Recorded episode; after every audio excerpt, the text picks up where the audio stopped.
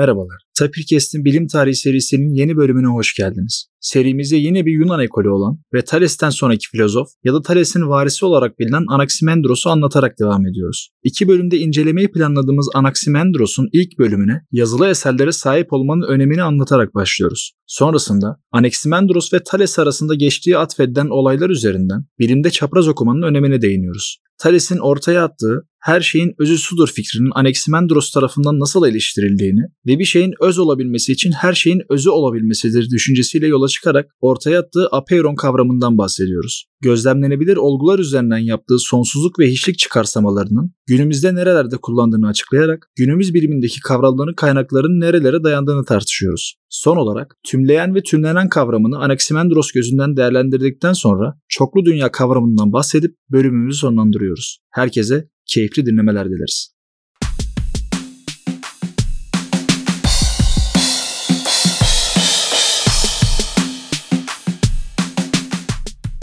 Bilim tarihi serimizde iki bölümde çekmeyi planladığımız Anaximandros bölümünün ilk bölümüne hoş geldiniz hocam. Hoş bulduk Bahadır. Anaximandros'u seçmiş olmamızın sebebi de kendisi bilinene göre birçok kaynakta ve birçok atıfta geçene göre Thales'ten bir sonraki filozof. Thales'ten bir sonraki Milet okulundaki ikinci filozof yani aslında Thales'in varisi ve daha da önemlisi belki de kendisi yazılı bir eser bıraktığı günümüze kadar ulaşan o eserin bir fragmanı dahi günümüze ulaşmış olsa kendisi yazılı eseri günümüze kadar ulaşmış ilk filozof. Hocam size ilk olarak şunu sormak istiyorum. Thales'le aynı anda aynı zamanlarda yaşamış olmasına rağmen bir yazılı eseri günümüze kadar ulaşmış olmasının ne kadar ufak bir parça olursa olsun önemi ne olabilir araştırma konusunda? Şimdi öncelikle beni bu platforma davet ettiğiniz için ve konuşma fırsatı tanıdığınız için teşekkür ederim Bahadır. Şimdi tabii soru güzel bir soru çünkü konu seninle daha önceki podcastlerde de konuştuğumuz üzere şuna evriliyor. Özellikle bu işte millet okulundan ya da işte modern bilimin öncüleri sayılan insanların tarihsel geçmişleri söz konusu olduğunda hep bu bir tarihsel okumada içerdiğinde olduğundan haliyle bilimsel çalışmanın da temel ilkelerinden biri bu atıf olduğundan e, yazılı esere dayandırmaya doğru gider. Şimdi yazılı esere doğru dayandırmaya gittiğinde haliyle siz bunu Ahmet söyledi, Mehmet söyledi dediğinizde Ahmet'in kendisine ait bunu ben yazdım dediği bir belgeye, bir senede ihtiyaç duyuyorsunuz. Yani sıfırıncı öncelik bu. Haliyle birisinin kendi beyan ettiğini, söylediği, üzerine kendi adını yazdığı, imzasını bastığı bir senet olması, bir belge olması çok çok çok önemli. Aksi takdirde gerisi tevatür adını verdiğimiz çok kolayca işte bilimsel camiada ya da tarihsel okumalarda üzerine hızlıca çarpı atılabilecek işte öyle demişler ama bakalım öyle demiş mi kendisi? Bu işte bir tevatürden ibarettir. Bu bir rivayettir gibi sözün içeriğinin anlamını bir anda sıfıra çeken bir şeyle karşılaşıyoruz. Yani dolayısıyla olaya isimden bağımsız, Yunan medeniyetinden bağımsız, bilim tarihinden bağımsız baktığımızda yazılı bir senet gelmesinin önemi bu. Ancak senin soruna geri gelirsek yani mevzunun Thales'le bağlantılandırılması ve işte Anaximandros'un bu konuda senin de söylediğin üzere tarihsel açıdan bakıldığında işte neredeyse ilk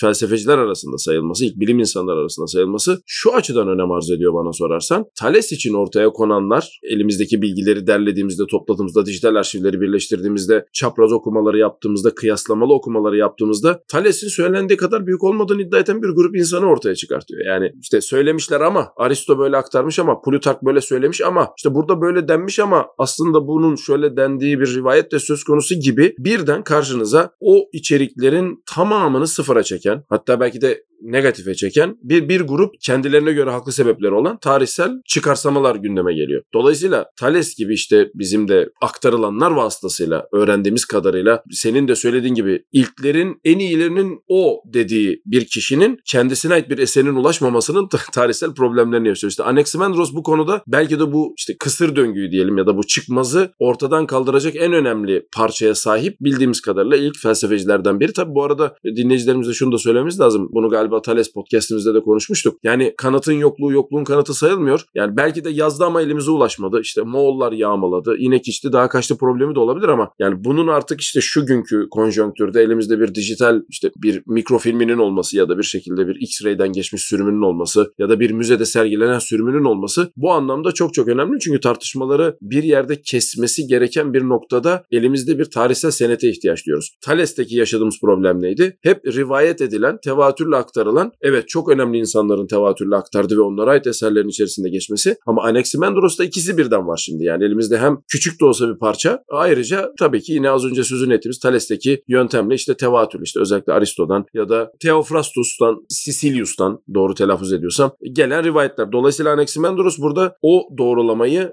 kendi senedi üzerinden yapabileceğimiz küçük de olsa bir kaynağa sahip işte ilk felsefecilerden, filozoflardan biri Bahadır. Hocam zaten yazılı eser bırakmanın öneminden bahsedince aslında yazının ve yazım kurallarının önemine de değinmek gerekiyor. Burada sizin söylediğiniz gibi Aristo ve Tefrastus kendi eserlerinde bunu Anaximandros şöyle söyledi. Anaximandros'a göre böyle olduğunun yanında aynı zamanda Thales'in düşünceleriyle ortak düştüğü noktalardan da bahsediyorlar. Şimdi yazının kurallarına geldiğimiz zaman özellikle bu kurallardan bahsettiğimiz zaman hatta Simplicius'un eserlerinde şöyle bir ikileme de düşüldüğü anlatılar arasında var. Simplicius acaba Anaximandros'tan mı bahsediyor yoksa bunları kendi mi bulmuş? Bunu da özellikle şey diyorlar. Eski Yunan alfabesinde o alıntı tırnağı işaretinin olmaya olması. Yani şu şekilde canlandırmaya çalışalım. Bahadır iki nokta üst üste merhabada Bahadır'ın merhabayı söylediğini şu anda günümüz Türkçesinde anlıyoruz. Ama Bahadır merhaba diye geçen bir cümlede Bahadır mı merhaba diyor yoksa Bahadır yanına bir merhaba mı yazılıyor anlaşılmadığı için acaba Anaximandros'un fikirleri mi bunlar yoksa Simplicius'un fikirleri mi tam olarak anlaşılmıyor. Ama Anaximandros'un farklı kaynaklarda fikirlerine baktığımız zaman özellikle Aristo'nun kendi kaynaklarındaki fikirlerine baktığımız zaman bu galiba Anaximandros'un kendi fikirleri ve Simplicius bir alıntı yapıyor deniyor. Ve Aristo'nun hikayedeki asıl önemli kısmı şu da geçiyor hocam kaynaklarda. On Nature diye isimlendirilen Anaximandros'un o fragmanı olduğu eserin adı diye bahsedilen On Nature yani Doğa Üzerine adlı kitabı Aristo okuyabiliyor. Yani Aristo'nun o kitaba erişimi var. Ki zaten o fragmandan çok daha fazlasını anlatıyor. Bu sayede Aristo Anaximandros'la alakalı. Şimdi burada yazının öneminden aslında biraz bahsettik ve Thales'le şu anda aslında şey gelmek istiyorum hocam. Yazının önemi, eleştirinin önemi. Daha önceki bölümümüzde siz bunu söylemiştiniz. Thales olmadan Anaximandros, Anaximandros olmadan Thales'ten bahsedemeyeceğiz. Yazı ve eleştirinin bir araya geldiği senaryoda, bir araya geldiği formatta Thales ve Anaximandros'un birbirine olan öneminden bahsedebilir misiniz? Konu aslında şuraya geliyor Bahadır bana sorarsan. Şimdi Thales tabii tarihsel okumalara baktığımızda daha önce de söylemiştim diye hatırlıyorum ama yani Thales biraz daha yaşlı. Hani Anaximandros nispeten jenerasyon olarak, nesil olarak bir sonraki nesil ama dönemdaşlar bunlar. Birbirleriyle rivayet edilen, tekrar diyorum ya bu rivayet ediliyor. Yani bu, bu rivayeti şu an kanıtla deseniz ben kanıtlayamayacağım gibi herhalde yeryüzündeki kimse de mevcut bulgular üzerinden kanıtlayamaz. Ama rivayet ediliyor ki işte aktarılanlar cihetinden bu insanların birbirleriyle aynı şekilde düşündükleri aynı biçimde tartıştıkları ancak farklı sonuçlara ya da farklı orijinlere, farklı kaynaklara atıfta bulunduklarını görüyoruz. Şimdi bu bilim tarihinin en önemli bence kurgusu. Şimdi böyle söylüyoruz ama tekrar ediyorum. Diğer Thales podcastinde de bahsetmiştik. Biz bize açık olan, erişimimiz olan kaynaklar üzerinden bunu yapıyoruz. Şimdi birisi çıkıp dese ki Çin kaynaklarında bundan 20 bin sene önce bunlardan bahsedilmişti. Yani o zaman yazı var mıydı bilmiyorum. Onlar yazıyorlardıysa da bilmiyorum. Onlar ne konuştular bilmiyorum. Yani bize elverişli olanlar üzerinden söylüyoruz. Bu çok önemli bir ayrıntı. Dinleyen dinleyenlerimize bunu bir kere daha söylemek istedim. Bizim erişimimize açık olan ve görebildiğimiz kadarıyla hızlıca bulabildiğimiz ve derinlemesine okuma yaptığımız kaynaklarda şunu görüyoruz ki bu iki zat işte Thales ve Anaximandros benzer problemleri doğayı gözlemleyerek ki Aristo'nun özellikle senin de söylediğin gibi Anaximandros'un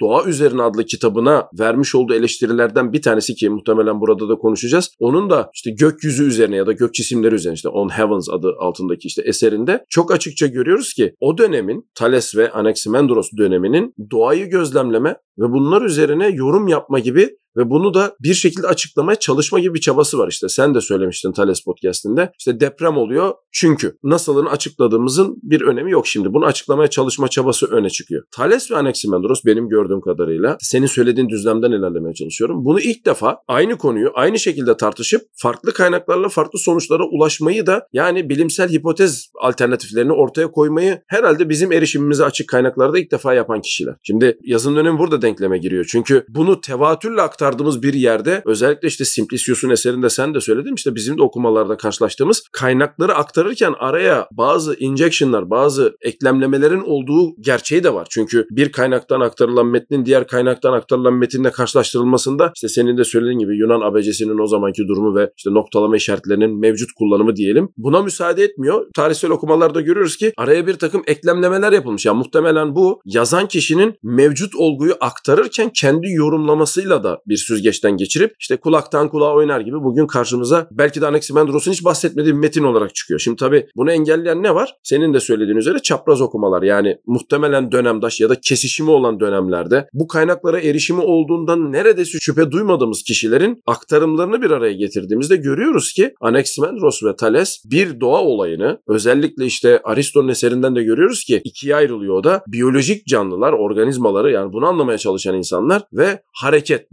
doğadaki devinimi açıklamaya çalışan iki tane insan var ve bunlar iki tane farklı kaynağı iki farklı biçimde yorumlayıp birbirlerini eleştiriyorlar. Çok açık bir şekilde bunu görüyoruz. Şimdi bu bilim tarihindeki bence en azından bizim bugün bilim dediğimiz şeyin atası ve o yüzden çok önemli. Eğer bunu bir şekilde yazılı kaynaklar tevatürle de olsa bize aktarılmasaydı bilemeyecektik ve bunun nasıl başladığıyla alakalı zihnimizde hiçbir şey oluşmayacaktı. Hatta öyle ki yani çağdaş bilimde ya da çağdaş felsefede atomcular adını verdiğimiz işte ta Boltzmann'a kadar ucu giden ama daha öncesinde Demokritos'un ve benzeri felsefecilerin adının geçtiği bir silsileden bahsediyoruz. Aksi takdirde bu silsile hiç elimizde olmayacaktı. Bir kopukluktan, bir yok oluştan bahsedecektik belki de. Hocam şunu da hatırlatmak isterim. Siz şunu söylediniz. Bir grup var gök cisimlerinin yani daha büyük ölçekteki cansızların nasıl davrandığını önemsiyor ve bunu gözlemliyor. Bir grup var onlar da canlıların yani biyolojik olarak dünyadaki gözlemlenebilen canlıların neler yapabildiğini ya da nereden gelip nereye gidebildiğini önemsiyor. Şimdi Thales ile Anaximandros'un en önemli kısmı şu. Bunun en temelde belki de ilk olarak yapan ilk bir iki kişiden biri. Zaten daha önce söylemiştik Anaximandros da milletli. Hatta Thales'le dönemdaş yani bir, bir arada çalıştıkları bilinen, çalıştıkları aktarılan özellikle millet okulunda bunu yaptıkları bilinen bir kısım var. Yine yani Türkiye'nin sınırları içerisinde bir coğrafya. Şöyle özellikle bu iki filozofun birbirini eleştirmesi bakımından Anaximandros'la alakalı şu okuduğum kaynaklara çokça geçiyor. Yani Thales için evet eleştiriyi ilk olarak ortaya atan kişi ismi geçiyor ama eleştiri zaten ikinci bir kişi olmadan yapılamıyor. Şey gibi hani ilk telefonu kim buldu, kim aradı sorusu gibi. Özellikle bu Anaximandros'un kendi karakteriyle alakalı bir durum olduğundan çokça söz ediliyor Thales'e göre. Yani Anaximandros için direkt olarak yanlış hatırlamıyorsam şu söyleniyordu. Bilimle uğraşırken aynı zamanda onun doğrulanabildiğini ya da yanlışlanabildiği üzerine düşünen ilk filozof olarak biliniyor diye geçiyordu. Evet Thales de eleştiriyi Anaximandros'la birlikte yapan biri ama bunu acaba gel beni eleştir fikrini ilk Thales mi Anaximandros mu ortaya attı sorusuna genelde Anaximandros'la beraber okunduğu zaman Anaximandros gibi görünüyor. Bu eleştirinin de ki bölümümüzün bir sonraki kısmında bundan hayli söz edeceğiz. En önemli kısmı kavramı Aristo'dan alacağım yani sonradan arke düşüncesi. Thales diyor ki arke diye bir kavram var. Doğada gözlemlediğiniz şeyi tanrılara yükleyebilirsiniz. Sebeplerinin ya da bütün sebebinin tanrılar olduğunu söyleyebilirsiniz ama ben bunu yorumlamayı tercih ediyorum. Bir su diye bir arkeden bahsediyorum diyordu hatırlatalım. Dünyanın oluştuğu şeyin hatta dünyadaki her şeyin sudan oluştuğunu ya da bir noktadan sonra suyla alakalı bir şeylere maruz kalacağını söylediği bir anlatısı vardı. Ama Anaximandros bu kavramı çok ilginç yorumluyor. Ki siz de söylediniz Aristo'nun veya Simplicius'un farklı anlatıları var bununla alakalı. Anaximandros diyor ki evet su diye çok önemli bir şey var ki birazdan suyu Anaximandros'un hangi kavramlarında kullandığını da anlatacağız. Apeiron diye bir kavram ortaya atıyor Anaximandros. Yani sonsuz, sınırsız, bir üst limiti olmayan. Hocam size şunu sormak istiyorum. Sonsuz ilk olarak ortaya atıldığında ne kadar önemli bir yere sahip olabilir? Şimdi Bahadır soru gerçekten çok ilginç çünkü şimdi Anaximandros'u bugün otururuz burada konuşuruz sabaha kadar da bitmez. Benim ama değinmek istediğim senin de söylediğin üzere Thales ve Anaximandros da işte Anaximandros orijinli, Anaximandros üzerinden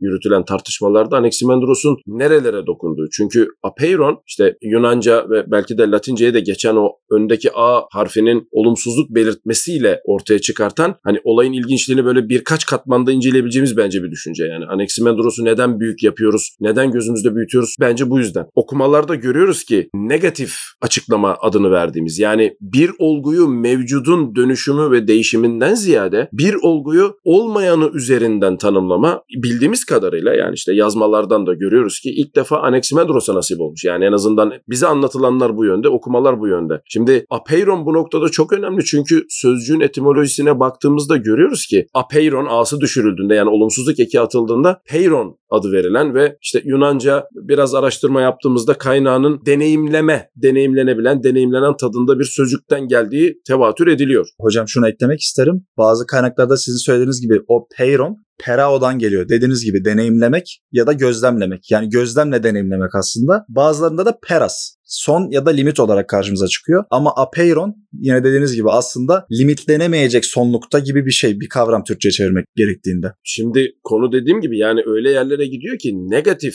yani olumsuzluk üzerinden tanımlama felsefede çığır açan ya da bilim tarihinde belki de çığır açan en önemli şey. Çünkü sen de söyledin. Thales'i yaptığı eleştiride iki tane temel nokta var en azından benim tespitlerim. Birincisi Thales'in bir konumsallaştırma yani bir şeyin üzerinde bulunma işte suyun üzerinde yüzme su bir arke dediğin gibi yani su bir öncül. Sudan kaynaklanır, suya gider, sudan çıkar. Neyse bir şekilde dediğin gibi suya dönüşüm vardır ya da sudan çıkma vardır. Orası çok önemli değil şu an. Ama birincisi bu arkenin su olması ki bunu da değineceğiz. Ama daha önemli Thales'e Anaximandros'un yaptığı eleştiri bir konumsallık atfetme. Şimdi konumsallığa baktığımızda Anaximandros'ta Apeiron'a birazdan geri geleceğim. Anaximandros da konumsallıktan bahsediyor ancak konumsallığı şöyle yorumluyor Anaximandros. Senin yukarı, aşağı, sağa ya da sola gibi genelde bizim göreceli olarak tanımladığımız işte yön bilgisinin ya da hareket bilgisinin dünya düşünüldüğünde işte artık o ne anlıyorsa dünyadan o zaman dünya düşünüldüğünde yine bir konumsallığı olduğunu hatta işte ateş problemi Aristo'nun da daha sonradan dile getirdi. Ateş problemini de çözecek biçimde. İşte çünkü ateşi bıraktığınızda bütün nesneler yere düşüyorken ateş yukarı çıkıyor. Yani dolayısıyla yukarı çıkabilen bir şeyler var. Dolayısıyla yukarıda bir şey olması lazım dediği şeyin işte Anaximandros'un kendi halkaları diye de işte literatüre geçen yapıya atıfta bulunan yani bir açmazı çözebilmek için daha sofistike bir başka problemi de ortaya koydu Anaximandros'un bir yer var. Dolayısıyla Anaximandros'un Thales'e yaptığı ilk eleştiri iki noktadan birincisi bu konumsallıkla alakalı yani. Sen konumsallık dediğin an itibariyle diyor Thales'e neyin üzerinde olduğunu söylemek zorundasın. Ben ise dünyayı merkeze alarak bir şeyin üzerinde olmadığını, her şeyin dünyanın merkezine doğru ya da dünyanın merkez olduğu bir sisteme doğru yönlendiriyorum. Ateş bu noktada işte bir e,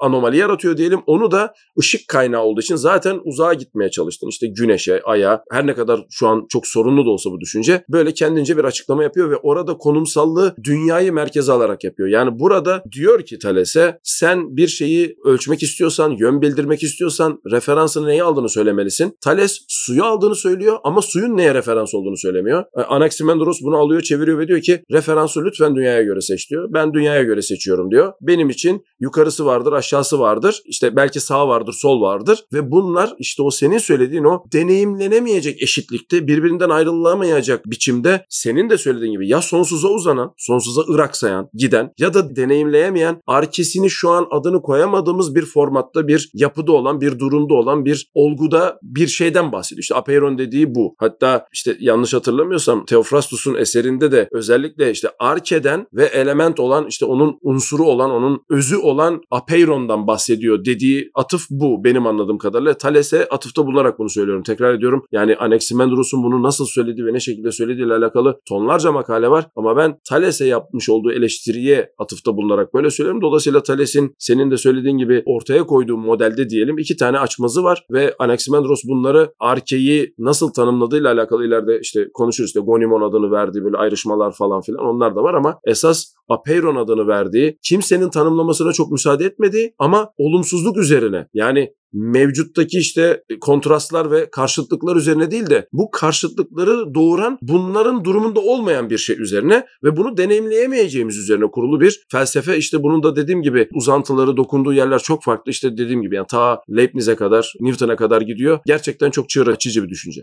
Siz özellikle Anaximandros'un bu apeiron fikrinde olanı olumsuzlaştırma düşüncesinde olan bir filozof olduğundan bahsettiniz ki Thales bir önceki bölümümüze ya da Thales'e baktığımız zaman Thales aslında düşüncelerini bütün çalıştığı konularda aynı yönde bir şekilde değiştiren ve böyle uygulayan birisi. Ama şimdi Anaximandros'a baktığımızda aslında bu düşünceyle sanki bir bipolarlık var gibi. Sağ tarafta olanı olumsuzlaştırmaya çalıştıran ve bunun üzerine bir çaba sarf eden, bunun üzerine yeni kavramlar ortaya atan bir filozof. Bir de Thales'ten aldığı birkaç fikirle olanı ya da olmuş olanın nasıl değiştiğini ortaya atmaya çalışan bir filozof. Buna da örnek vermek için aslında okuduğumda gerçekten beni çok etkileyen o kısmı Thales'ten suyun ilk arke olduğu düşüncesini aldığında ya da bu düşünceyi bir şekilde acaba doğru mu değil mi diye üzerine çalışma yaptığında ya da eğer yaptıysa şöyle bir şey ortaya atmış olması. İnsan ilk canlı olmayabilir. Yani bu aslında temellerini Charles Darwin'in ortaya attığı evrim teorisinin ilk fikrini acaba Anaximandros mu ortaya attığı düşüncesinde okumalarımız sonucunda doğuruyor. O düşünce de aslında şöyle. Eğer arke suysa ki okuduğumuz zaman aslında arkenin su olduğunu kabul ettiği bir dönem mi var acaba Anaximandros'un diye düşündürüyor. Eğer arke suysa her şey yani dünya bir zamanlar sudan ibaretti. Ki Anaximandros'un dünya ile alakalı son fikri de bu anlatılara göre yine.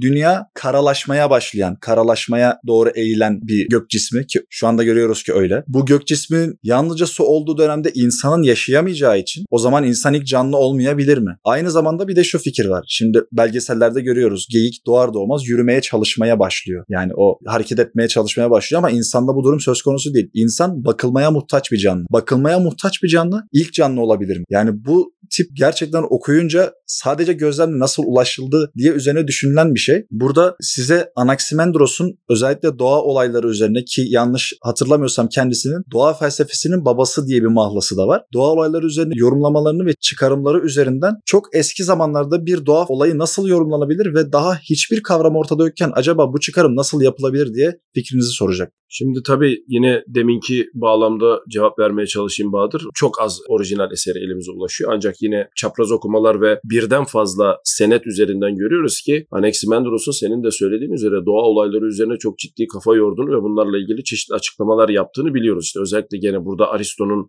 eserinde yine çok sıkça rastladığımız işte birkaç tane durumu var. İşte Plutark'ın eserlerinde de var, Diyojen'de de geçiyor. Ama benim daha önce senin söylediğin konuyla bağlantılı şunu söylemem lazım. Özellikle Anaximandros'un konuya bakarken kainatın hatta işte bunu din felsefecilerinin de din felsefesinin atası olduğunu iddia ettiği bir ilahi bir olgunun yani deneyimlenemeyenden aldık ya deneyimlenemeyen yani bunun belki adına çeşitli aşamalarda çeşitli zamanlarda tanrı ya da tanrısallık atfeden şeyler de söylenebilir yani o, o zamanın din bağlamına bağlı kalınarak yapılabilir ama kesinlikle herhalde bir sözcük seçseydik bunun ilahi bir şey olduğu yani deneyimin üzerinde aşkın bir şey olduğuyla alakalı bir durumu var. Yani mevzuları bununla açıklamaya çalışıyor. Şimdi bu senin de söylediğin gibi ilk arke, ilk neden, ilk hareket sorunsalanı kendisinin karşısına iki türlü getiriyor. Birincisi hiçbir şey yokken bir şeyler neden var? İşte bugün de tartıştığımız en önemli problem. Yani ne oldu da o ilahi şey ya da aşkın şey, apeiron onun sözüyle ne oldu da bir şeylere deneyimlenebilene dönüştü? Yani deneyimlenemeyen nasıl oldu da deneyimlenebilene dönüştü? Bunun kronolojisi basit. Senin de söylediğin gibi deneyimlenemeyeni deneyimleyebilen konuşamayacağı için deneyimleyebilen deneyimlenemeyenden sonra olmak zorunda yani zaman akışı içerisinde. Yani bu, bu zaten hani mantığın temel ilkesi gereği. Mantıksal ilerliyorsa işler. Şimdi ikinci nokta ise şu. Anaximandros bunu senin de söylediğin gibi yeryüzüne de çekiyor. Yani işte göksel cisimler, yıldızlar, işte güneş, ay hepsi bir tarafa negatif üzerinden yorumu yaptığı için birden diyor ki Anaximandros'un halkalarını düşünelim. Bunların arası boşluktan ibarettir diyor. Burada bir şey yoktur diyor. Şimdi bunu söylediği an itibariyle karşımıza iki tane felsefede ve daha sonra da bilim tarihinde çok sıkça kullandığımız iki tane sözcük çıkıyor. Yani hiçlik ve sonsuzluk. Yani biz bunların yardımı olmadan şu an çağdaş matematikte bazı şeyleri yapamıyoruz. Yani artık o kadar elimiz ayağımız olmuş ki kalkülüs. Bunlar olmadan ilerleyemiyoruz. Bunların bizi çözüme nasıl yaklaştırdığını da işte cep telefonuyla görüyoruz, internetle görüyoruz, şunla görüyoruz, bununla görüyoruz. Yani çağdaş insanın zihninde artık bu kavramlar belki doğrudan bu sözcüklerle değil ama bu sözcüklerin üzerine inşa edildi araçlar üzerinden o kadar kalıplaşmış, o kadar betonlaşmış ki yani biz bunlar olmadan düşünemiyoruz ama senin de söylediğin gibi Anaximandros bunu ilk ortaya atan insanlardan bir tanesi. Yani bir tanesi ilk o arke denilenin de önünde aşkın bir şey olduğunu ama bunu negatiflik üzerinden yapan birisi. Onun nasıl dönüştüğünü söylüyor. Bunun dönüşerek gelmesi gerektiğini söylüyor. Ki burada da evrimsel kozmoloji adını verdiğimiz işte yapıya ışık tuttuğunu söylüyor. İşte din felsefecileri buradan kendilerini alıyorlar gidiyorlar. Felsefeciler kendilerini alıyorlar başka bir şey ilerliyorlar. Bir taraftan da senin de söylediğin gibi gözlenebilir olguları da böyle açıklamaya çalışıyor ki bir örnek verelim. Hani çok spesifik bir örnek olduğu için özellikle su tartışması olduğu için Aristo da bu konuya atıfta bulunuyor zira On the Heavens eserinde. Eğer diyor siz diyor bir işte şimşek görüyorsanız şimşek diyor kesinlikle diyor kuru tabiatta olması lazım onun sözleriyle. Yani bu su tabanlı bir şey olamaz. Eğer su tabanlı olsaydı bu ışık gibi kendisinin alev üzerinden yaptığı yorum işte alev göğe doğru yükselir. işte onun kaynağı o yüzden göktedir. ışıklardır, yıldızdır, şudur budur. Dolayısıyla o su kaynaklı olamaz çünkü onun yeri yukarısı deyip kendi referansına göre böyle bir çıkarsama yapıyor. Şimdi tabii bu sözcüklerle biz bunu anlattığımızda bugün çağdaş bilimle insan böyle bir tebessüm ediyor. Ne alakası var diye ama ulaştığı bakış açısı o kadar dramatik ki bir sonraki adımda sıvının olduğu, yağmurun olduğu, hatta bulutları nemli bir malzeme olduğunu da tespit ettiğini biliyoruz, görüyoruz eserlerinde. Bunun bir arada hiçbir nem içermeyen, kesinlikle tırnak içerisinde kuru tabiatta olması gereken bir ışık da olabileceğini söylüyor. Şimdi burada bir başka ayrıntısı var. Yine Apeiron atıfta bularak bunu söylemeye çalışan Bahadır. Nasıl ortaya çıktığını da açıklıyor. Bunun deprem için söyleyelim. İşte Thales iddia ediyor ki su üzerindeki salınımlar depreme neden olur. Anaximandros'un okumalarına baktığımızda yeryüzünün parçalanması ayrılması olarak tanımlanıyor. Ve Anaximandros'un bu paterni her yerde görüyoruz. Aynı şey Şimşek'te de söz konusu. Bir olgunun içerisinde eğer bir apeirondan söz edebiliyorsak ancak parçalanması noktasında bu zıtlığı ortaya görebiliriz. İşte bir sonrasında yağmurun ıslak bir şeyin gelmesiyle kuru bir şeyin ortaya çıkması. Yani bunlar ancak daha önceki tanımlarla bizim mevcut algılarımız hafızalarımızla adını koyamayacağımız bir durumdayken bir parçalanma, bir ayrışma sonunda ancak adını koyabildiğimiz iki farklı duruma gelebilir diyor. Ve dediğin gibi bunu bildiğimiz kadarıyla yine biyolojik canlılara uyguladığını da görüyoruz yine. E, özellikle Aristo'nun eserinden görüyoruz. Yani Aristo buna kafayı takmış durumda. Yani ben özellikle On Heavens eserini birkaç kere okuma şansı elde etmiştim. Orada bayağı bildiğiniz böyle arka arkaya iki bölüm neredeyse Anaximandros'un bu Apeiron'una ve bunun nasıl olabileceğine ayrılmış durumda. E, dolayısıyla Anaximandros'un senin sözünü ettiğin o gözlemlenebilir şeyleri de bu negatif olgu üzerinden açıklamaya çalışmasının ne kadar dramatik sonuçları, ne kadar tırnak içerisinde o döneme göre isabetli gözlemlerle, isabetli yorumlarla ortaya çıktığını görürüz ama bunu söylemişken şunu da söyleyelim. Açıklamaya çalıştığı şeyi bir tabana oturtmak üzerine, e, tabii ki bunu bir mantıksal çerçeveye koymak üzerine yapmış olduğu bugün bilimsel gerçeklerle örtüşmeyen dramatik hatalar da var. İşte işte ayın, yıldızların ve güneşin konumunun e, birbirlerine dünyaya göre olan uzaklıkları gibi. E, ama bunların hiçbiri bu bakış açısının bu oturduğu yerden mantıksal ve felsefik çıkarsamaları bir araya getirip sağlam bir zemine koyma çabasını yatsıtamaz kimseye diye düşünüyorum abi. Günümüz bilimine baktığımız zaman zaten şunu rahatlıkla söyleyebiliyoruz. Her şeyin bir şeyin tümleyeni, bir şeyin de tümlenenidir. Bunu Thales'in kendi arke fikrine baktığımız zaman Thales diyor ki su diye bir şey var ve suyun tümleyeni de su tümlenin de su. Ama Anaximandros'a baktığımız zaman Anaximandros şu şekilde açıklamaya çalışıyor diye okuyorum olayları. Bir şeyi tanımlayabilmek için onun önce ne olmadığını da anlatmamız lazım. Bir şeyleri olumsuzluk üzerine açıklamasının bence en temel motivasyonu da bu. Yani ne olduğunu söylüyoruz, ne olmadığını da söyleyelim. Tamam belki ortaya öyle bir kavram attı ki tırnak içerisinde kolaya kaçtı galiba bu adam diyoruz. Yani ne olduğunu söylüyorsun, bana öyle bir şey söylüyorsun ki onun ne olduğunu da anlamıyorum. E ne olmadığını zaten anlamıyorum çünkü söylediğin şeyin olmadığı şey de aslında kendisine uzanan bir şey. Yani sonsuzluğu olduğun tersine ola ki. Günümüze baktığımız zaman ne olmadığını açıklamanın bence en büyük örneklerinden biri karanlık madde arayışı. Karanlık madde var mı yok mu? Yani bu bir maddenin karşıtı olabilir mi? Ya da bir maddenin karşıtı olmak durumunda mıdır? Bu galiba maddenin tam olarak ne olduğunu açıklayacak motivasyonuyla bilim adamlarının ortaya attığı şeylerden biri yine. Bunu düşündüğümüz zaman hocam Anaximandros'un motivasyonun Thales'in kendi fikirleri üzerindeki eksiklikleri görmüş olmasından kaynaklandığını düşünülebilir mi? Kesinlikle aynı fikirdeyim Bahadır. Çünkü bu soruları sorarken kısıtlı bakış açısı, belki de olaya yaklaşım tekniği ya da bu insanların birbirlerini bizim şu an bilmediğimiz belki günün çok anlamsız bir saatinde beraber işte öğle yemeği yerken öyle hayal edelim. Milletin şu anda Didim'in olduğu yerde deniz kenarında çakıl taşlarıyla oynarlarken yapmış oldukları ufak konuşmaların bile çıktısı olabilir. Yani biz bunun bir akümülasyonu, bir toplamını görüyor olabiliriz. Dolayısıyla ben kesinlikle böyle düşünüyorum. Tabii ki buna bir kanıtım yok, bir senedim yok ama ben böyle düşünüyorum. Hatta en güzel tarafı da bence bu. Ortaya attığınız şeyi görüyoruz ki özellikle işte Anaximandros'un hatta işte Thales de dahil hani atıfta bulunulanlar, rivayet edilenler işte özellikle yazmalarının elimize ulaştığı kopyaları üzerinden gidildiğinde görüyoruz ki insanlar bu düşünceleri çok ciddiye alıyorlar ve alıyorlar, yazıyorlar, eserlerine koyuyorlar. Tam alıntı yaparak ondan sonra kendi yorumlarını koyuyorlar. Ya bu gerçekten çok dramatik bir şey Bahadır. Çünkü ya bugün bilimde tam olarak yaptığımız bu. İşte bir makale çalışmasını düşünelim. Kendi fikriniz zaten mevcut diğer çalışmalarda senin az önce söylediğin yerde konuda bence çok bağlayıcı ve destekleyici oluyor. Ben bu çalışmalar arasında neredeyimi söylemek zorundasınız. Diğerleriyle ne kadar benzeştiğinizi ve ne kadar ayrıştığınızı çok açık ortaya koymak zorundasınız. Aksi takdirde sizden bir tarihçi olur en iyi haliyle. Yani Ahmet böyle dedi, Mehmet böyle dedi dersin ve geçersin. Ama bir bilimsel çalışmada Ahmet böyle dedi ama şunu açıklayamadığını düşünüyorum. İşte şunu açıklayamıyor çünkü böyleyi deneyimleyemedik ya da işte göremedik, gözlemleyemedik her neyse. Bu bir bilimsel çalışmanın bence ilk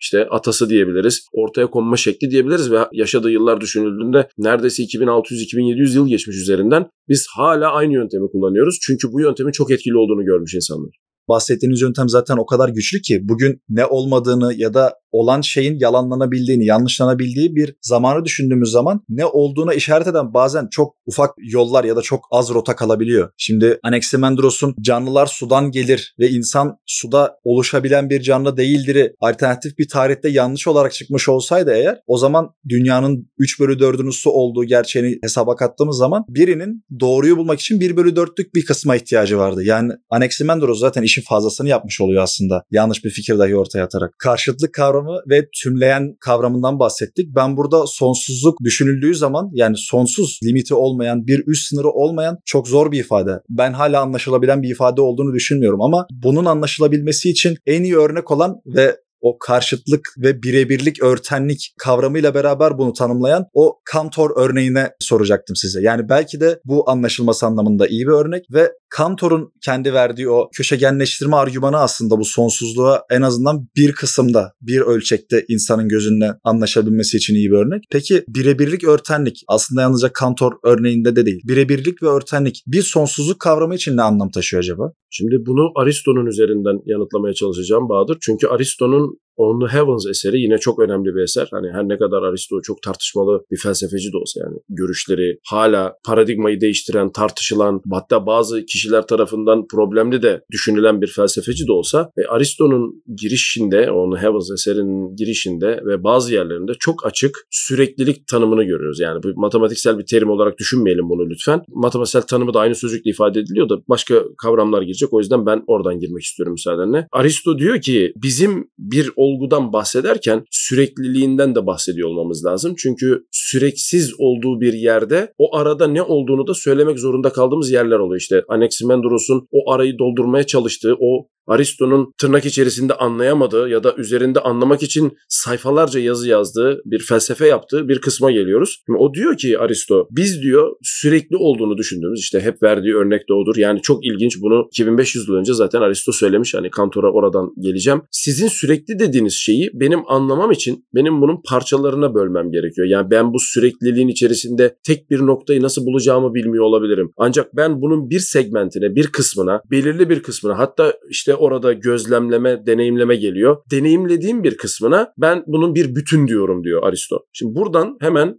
Demokritos alıyor ve yürüyor. Diyor ki o zaman ben o bütünü daha küçük parçalara böleyim, daha küçük parçalara böleyim. Öyle bir parça var mıdır ki ya da öyle bir sürecin aşaması var mıdır ki parçalama işleminin sonunda senin artık deneyimleyemeyeceğin bir yere ulaşabileyim. Demokritos bunun olabileceğini hatta onun deneyimlenemeyen değil de bölünemeyen olduğunu söylüyor. İşte orada atomcular falan filan alıyor gidiyor. Şimdi senin konuna gelirsek hani kantor, birebirlik, örtenlik ve sonsuzluk konusuna karşımıza sonsuzluk iki türlü çıkıyor gördüğün gibi. Birincisi uzunluğu ölçülmesi ya da deneyimlenmesi sonsuz olan bir şey. Yani benim kapasitemin ötesinde bir sonsuzluk olabilir. Bu kapasitemi zaman olarak değerlendirebilirsiniz, uzay olarak değerlendirebilirsiniz. Ya da benim bunu yapmak için harcayacağım enerji anlamında değerlendirebilirsiniz. Yani günümüz terimleriyle. Şimdi Kantor bu konuda çok ilginç bir argüman ortaya koyuyor. Kantor diyor ki işte dinleyenlerimiz için işte Kantor'un köşe yerleştirme argümanı merak edenler bakabilir açıklamalara koyarsınız. Bizim sürekli adını verdiğimiz hatta Kantor'un continuum adını verdi. İşte Latinceden ödünç aldığı o eserle continuum adını verdiği şeyi ben parçalı olarak çok iyi ifade ettiğim doğal sayılarla ya da digitlerle, basamaklarla ifade etmek istesem böyle bir arzum olsa ben bunu yapabilir miyim diyor. Zaten problemin başladığı yer burası. İki tane sonsuzluk var çünkü elimizde artık. Birincisi Demokritos'un ve Aristo'nun anladığı anlamda bir segmentin, bir parçanın ölçülebilen, deneyimlenebilen bir parçanın sürekli olduğunu iddia ettiği bir şeyi sürekli bölerek, küçülterek, parçalara ayırarak artık yöntemini size bırakıyorum. Acaba bir sonu var mıdır diye araştırmakla doğal sayılar gibi saymanın sınırının olmadığı yani benim kapasitemin dışına çıkan bir ölçülebilirlik noktasında bir sonsuzluktan bahsediyoruz. İşte Kantor bu ikisini yan yana getirdiğinde bu ikisinin aynı olmadığını görüyor. Yani iki tane sonsuzluktan söz ediyoruz aslına bakarsanız. Bir tanesi sayılabilir sonsuzluk yani senin saymana müsaade eden ama ömrünün vefa etmeyeceği bir son, son tırnak içerisinde senin sonun ama onun devam ettiği yer. Ama bir de Aristo'nun sonsuz adını verdiği, işte Demokritos'un atomla sonlanacağını söylediği ama kapasitemizin asla yetmeyeceğini o ideal dünyanın Eflatun'dan aldığımız tabirle ideal dünyanın sonsuzluğu. Kantor bu ikisini ilk defa bir araya getirip bundan aynı olmadığını söyleyen ilk insan bildiğimiz kadarıyla. Yani elimizde birden fazla sonsuzluk tanımı var ve bu sonsuzluk tanımlarını ancak matematiksel ilişkiler üzerinden tanımlayabiliyoruz. Bunların aynı olamadığını söylüyoruz. Kantor ama bunun bir adım ötesine de gidiyor. Bunların büyüklüklerini de kıyaslıyor. İşte muhtemelen Yunan felsefesinin ortaya koyduğu bu işte belki de Anaximandros'la başladığını iddia ettiğimiz ya da bize aktarıldığı kadarıyla apeiron fikrinin yani sınırlı olamayan, sınırlılığı hakkında konuşulamayan, deneyimlenemeyen olgunun aslında kendini birden farklı şekilde ortaya çıkardığı durumlardan bahsediyoruz. İşte bu insan aklının bence zirveye ulaştığı felsefede yerlerden bir tanesi olsa gerek. Çünkü bir tanesi olumsuzluk üzerine felsefenin paradigmasını değiştiriyor. Kantor bu olgunun birden fazla manifestosunu ortaya koyarak bizim matematiğe ve doğaya olan bakışımızı değiştiriyor. Yani biz e, iki tane büyük kırılmayı Anaximandros ve Kantor'da görüyoruz. Bir tanesi olumsuzluk üzerine ve deneyimlenemeyenle açıklayabilmeyi öne sürerken öbürü deneyimlenemeyen, açıklanamayanın birden fazla manifestosunu ortaya koyarak çok daha farklı yöntemlere doğru gidiyor. Ben bu konuda son olarak şunu söylemek istiyorum Bahadır dinleyenlerimiz için. Çapraz okumalarda görüyoruz ki tartışmalı da olsa birden fazla dünya fikrinin ve az önce senin sözünü ettiğin o Apeiron'dan işte Arke'den evrilerek gelmenin birden fazla dünya fikrinin nasıl ortaya çıktığıyla alakalı bir de düşüncesi var. Malum hani en azından Anaximandros'a atfedilen. Orada da çok ilginç bir durum var. Senin söylediğin o diriliş, yok oluş, ortaya çıkma, südur etme, birden belirme gibi kavramları bir araya getirdiği. Her ne kadar okumalarda Anaximandros'un dünya üzerinde bir çevrimsel hareketle yani birden fazla varoluş, yok oluş üzerine bunu yaptığı fikriyatı oluşsa da tarihsel okumalarda insanların gözünde birden farklı dünya fikrinin de az önce sözünü ettiğimiz o işte Apeiron ve Arke fikrinin evrimiyle ortaya çıkabileceğine atıfta bulunduğunu söyleyen tarihsel okumalarla da karşılaşıyoruz. Yani buradan birden fazla dünya, birden fazla yaşanabilir bölge ya da birden fazla canlılık türü gibi fikri yalnızca dünyayla sınırlandırmayan belki evet dünya üzerinde farklı zamanlarda çevrimsel olarak ortaya çıkmasını da kastetmiş olabilir ama işin biraz daha derinine inen tarihsel okumalara bakıyoruz ki hayır bunu da kastetmiş olabilir çünkü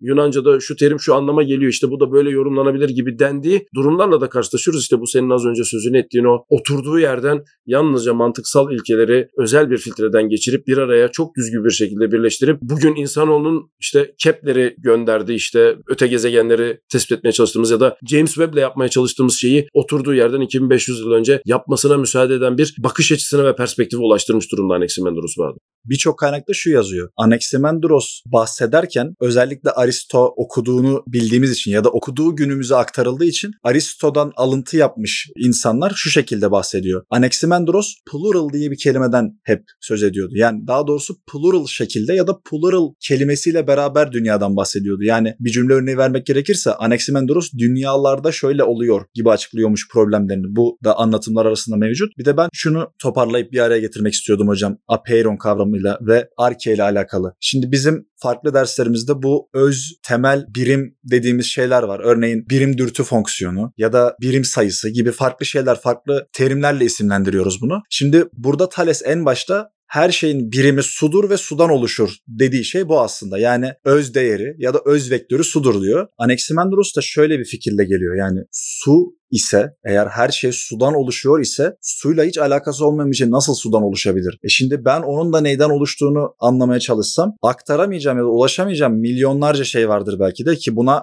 apeiron diyorum. O zaman apeiron kadar şey apeiron kadar temelden oluşmalıdır. Açıkçası bunu anlıyorum. Şimdi günümüze geldiğimiz zaman ya da bu ifadenin ortaya atıldığı tarih tam ilk olarak bilmemekle beraber açıklamalarda da bırakacağım. Dirac delta fonksiyonu altta kalan alanın bir olması için düşeyde sonsuza aksaması, yatayda sıfıra kadar yaklaşması. Yani hem apeiron diye bir kavram var hem de temele öze sıfıra inmeye çalışan bir şey var. Yani bu ikisini bir araya getirdiğimiz zaman ancak bir şeyin temelinden bahsedebilirim. Min o sonsuz tarafının Anaximandros tarafından ortaya atılmış olduğu fikri ya da ortaya atılmış olduğu düşüncesi gerçekten bu fikrin, bu düşüncenin Apeiron arkesinin ne kadar önemli olduğunu anlatıyor bence hocam. Hocam çok teşekkür ederim katıldığınız için. Ben teşekkür ederim Bahadır bana fırsatı verdiğiniz için. Anaximandros bölümümüzün ilkinin sonuna geldik. İkinci bölümümüzde görüşmek üzere. Herkese iyi haftalar dilerim.